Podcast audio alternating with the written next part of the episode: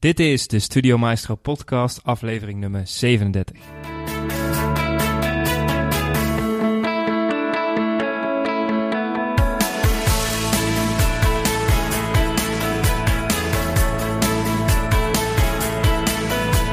Welkom bij deze nieuwe aflevering. Mijn naam is Dennis van Leeuwen en misschien zul je denken, ja Dennis, het is toch lang geleden dat je je vorige podcast hebt gepubliceerd.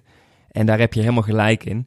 Ik ben namelijk afgelopen periode een beetje bezig geweest met het format van mijn podcast. Want in het verleden deed ik voornamelijk interviews met marktleiders en andere ondernemers op het gebied van ondernemen en marketing.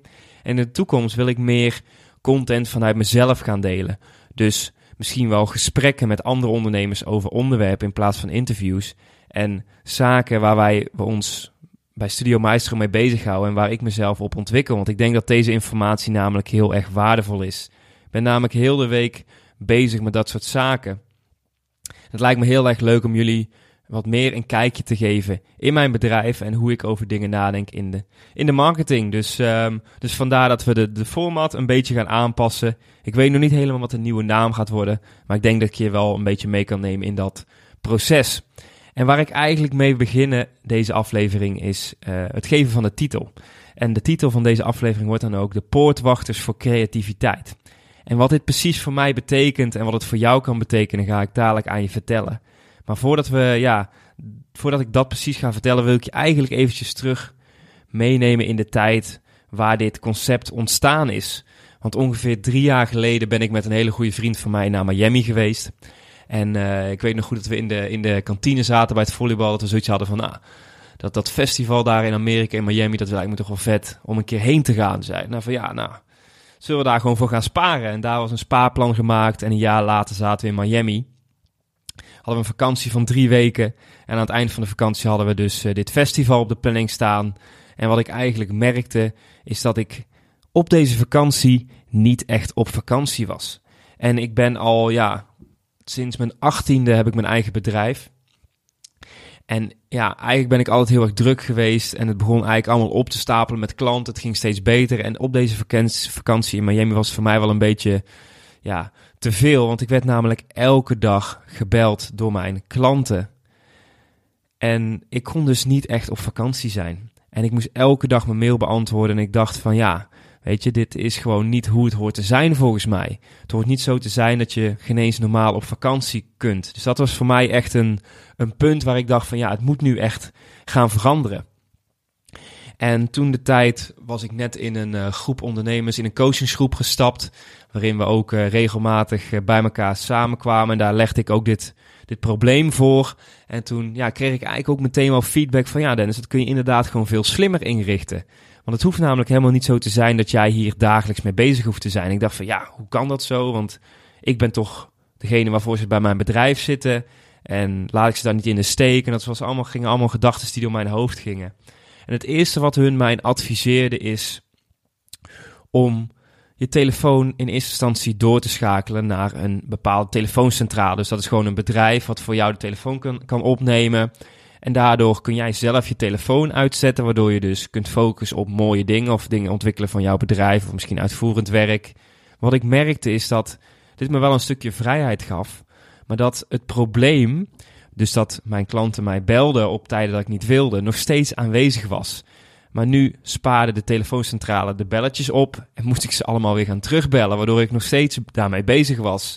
En het nadeel van deze telefooncentrale was dus dat degene die uh, de klant aan de telefoon had, niet genoeg kennis in huis had om die vragen ook direct te gaan beantwoorden. Dus het eerste ja, uitprobeersel als het ware was niet echt geslaagd. Ik kreeg wel wat meer vrije tijd terug, maar ik moest die klant wel weer terug gaan bellen. Dus wat ik toen ben gaan doen is, um, ja, is eigenlijk het volgende. Ik ben um, eigenlijk uh, nog wat verder gaan nadenken van ja, hoe kan ik dat probleem dus tackelen dat klanten mij niet kunnen bellen. En dat was eigenlijk heel erg simpel dat als klanten mijn telefoonnummer niet hebben. Dus als klanten mijn telefoonnummer niet hebben, dan kunnen ze me ook helemaal niet bellen. En daar kwam ook meteen het eerste bezwaar vanuit mezelf van ja, klanten moeten je toch kunnen bellen. En ook als ik dit vertel tegen andere ondernemers, dan denken ze altijd van, hoezo heb jij geen eigen telefoonnummer? Dat is toch heel gebruikelijk? Ik zeg ja, dat klopt dat het ook heel erg gebruikelijk is, maar ik vind het heel erg vervelend als ik goed in de focus zit, dat ik gestoord kan worden. Dus tegenwoordig geef ik mijn telefoonnummer niet meer aan mijn nieuwe klanten. Er is een heel klein groepje waar wij speciale strategieën voor uitwerken, die hebben het wel. Maar dan wil ik het ook echt zelf. Maar voor de meeste klanten hebben geen telefoonnummer van ons. En wat het fijne daarvan is, is dat ze mij dus ook nooit kunnen storen. Wat ik wel natuurlijk heel erg belangrijk vind, is dat deze klanten met hun vragen wel bij ons terechtkomen. En deze vragen kunnen ze dan ook stellen bij ons in ons ledengedeelte. Daar hebben we een community voor opgezet. En ze kunnen vragen via de mail sturen. Dus als wij nieuwe klanten krijgen, dan worden ze geïntroduceerd via de mail. Dan krijgen ze een intake bijvoorbeeld. En dan hebben ze dus onze contactgegevens via de mail. En dat geeft zoveel meer vrijheid. Maar wat ik dus eigenlijk begon te merken is dat het telefoonverhaal eigenlijk heel erg meer steeds weggaat. Dus uh, de oude klanten die nog wel steeds bellen, die heb ik doorgeschoven naar mijn projectmanager. En ik heb zelf een nieuw telefoonnummer genomen. En mijn oude telefoonnummer heb ik dus aan de projectmanager gegeven. En nu kunnen mensen mij dus onder klanten mij dus gewoon persoonlijk niet meer bellen. En dat is gewoon heel erg fijn. Dus dat was de ene kant van het verhaal, dus de telefoonnummers. Maar dan hebben we nog steeds de mail. Want als ik ergens een hekel aan heb, is het om dagelijks mijn mailbox in te zitten. Want heel veel vragen en zaken, dat zijn allemaal dingen waar ik me eigenlijk niet mee bezig hoef te houden. En daarom wil ik je ook een beetje meenemen in het proces hoe ik van uh, eh, 100 mails per dag naar één mailtje per dag ben gegaan. En dat heb ik eigenlijk gedaan door ja, twee of drie stappen toe te voegen. Want wat ik namelijk heb gedaan is, uh, bij Studio Maestro hebben we nog maar één e-mailadres. En dat is dus gewoon dennis.studiomaestro.nl. En uh, normaal gesproken, als je mensen in je team hebt, dan hebben die een eigen e-mailadres dat ze kunnen mailen. En voor je het weet heb je zo heel veel e-mailadressen. En wij hebben dus bij Studio Maestro maar één e-mailadres, dennis.studiomaestro.nl. En al deze mail komt bij ons binnen op een centraal punt. En wij hebben daar recentelijk um, de mail van Google voor gebruikt.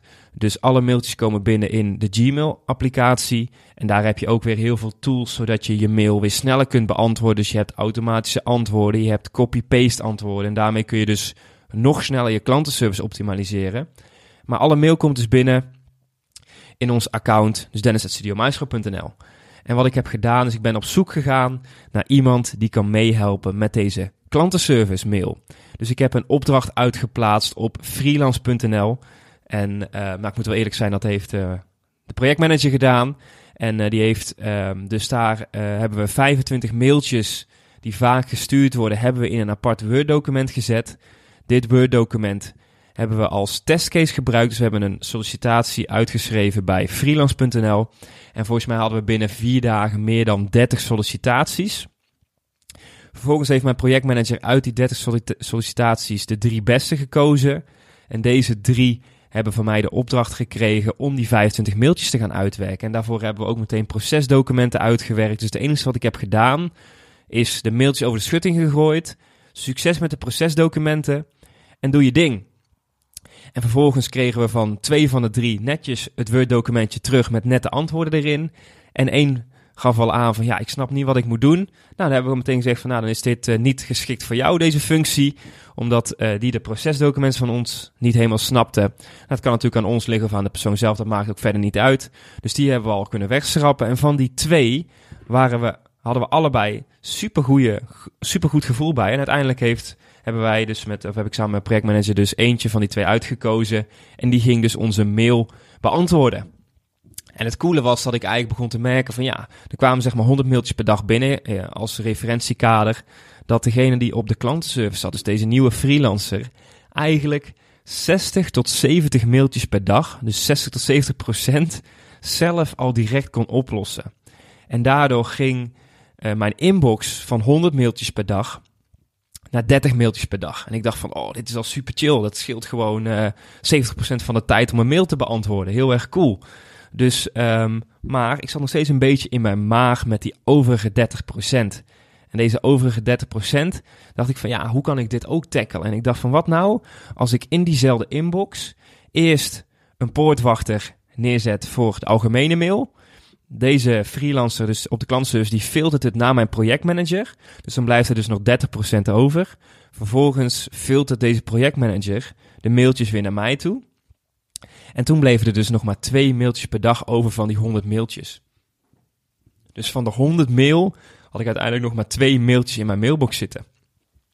En als ik deze mailtjes dan uitschuif over de hele week, dus zeg maar 10 mailtjes per week, dan kan ik ook deze 10 mailtjes, daarvan kan ik er vijf terugsturen naar mijn projectmanager. Van die kun je mij op, die kun je oppakken met dit en dit en dit. Dus dat betekent dat ik elke week maar vijf mailtjes hoef te beantwoorden die belangrijk zijn voor mijn bedrijf. En door dit systeem te gaan toepassen, ben ik steeds meer aan het denken van hoe kan ik ervoor zorgen dat ik zelf persoonlijk niet deze zaak hoef op te pakken. Want deze tijd kan ik veel beter stoppen in de groei van mijn bedrijf. En dat ben ik eigenlijk continu mee bezig en continu aan het opschonen en aan het ontwikkelen. En als ik bijvoorbeeld kijk naar deze week in mijn agenda, heb ik ja, vier afspraken staan met zaken die ik moet doen. En dat zijn ook nog eens zaken die ik heel leuk vind. Nou ja, op maandag dan iets minder. Toen had ik een afspraak voor een MRI-scan voor mijn knie. Um, nou, dat kon ik dan doen. Uh, op dinsdag heb ik een presentatie gegeven voor een, uh, voor een school in Eindhoven. Een gastcollege gegeven van uh, anderhalf uur.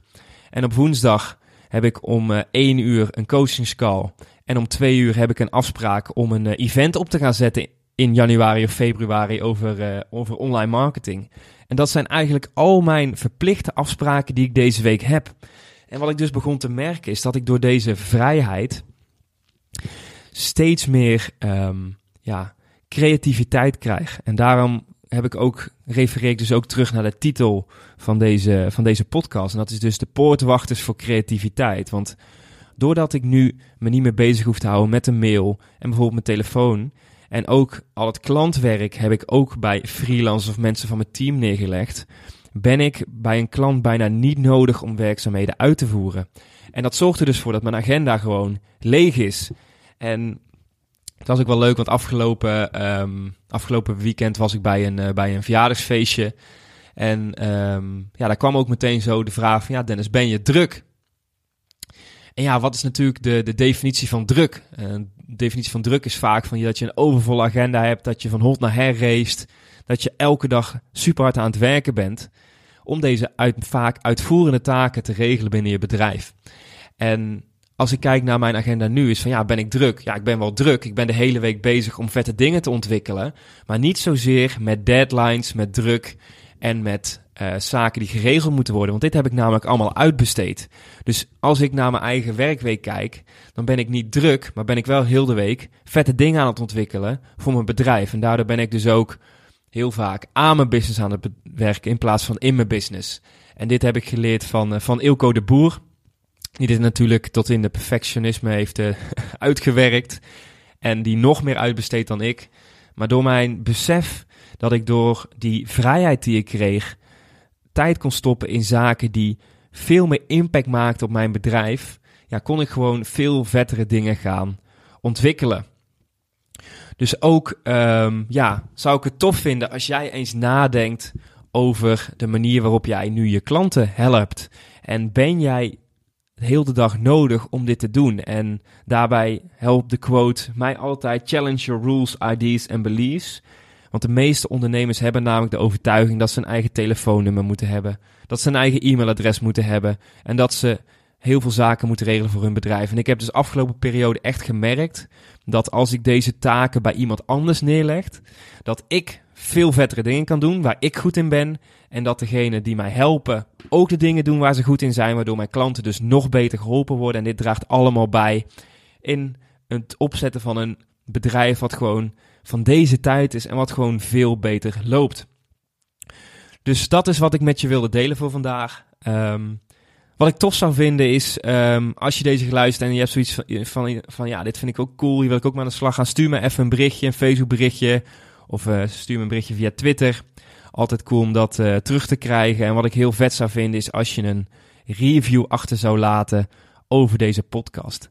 En dat kun, je doen door naar studiomeister.nl slash iTunes te gaan. En mocht je een iTunes account hebben, niet erg, dan kun je nog steeds een review achterlaten. En wat ik heel tof zou vinden is als je een review achterlaat over de Studio Meister podcast. Dan kunnen we ook weer een nog betere positie gaan krijgen in de iTunes Podcast Store en nog meer ondernemers gaan helpen met onze content. Dus ik hoop dat ik hier een beetje mee heb kunnen inspireren. Mocht je nog vragen hebben, dan hoor ik het altijd heel erg graag. En ik wil je een hele fijne dag toewensen. Doei doei! Bedankt voor het luisteren naar de Studio Maestro podcast.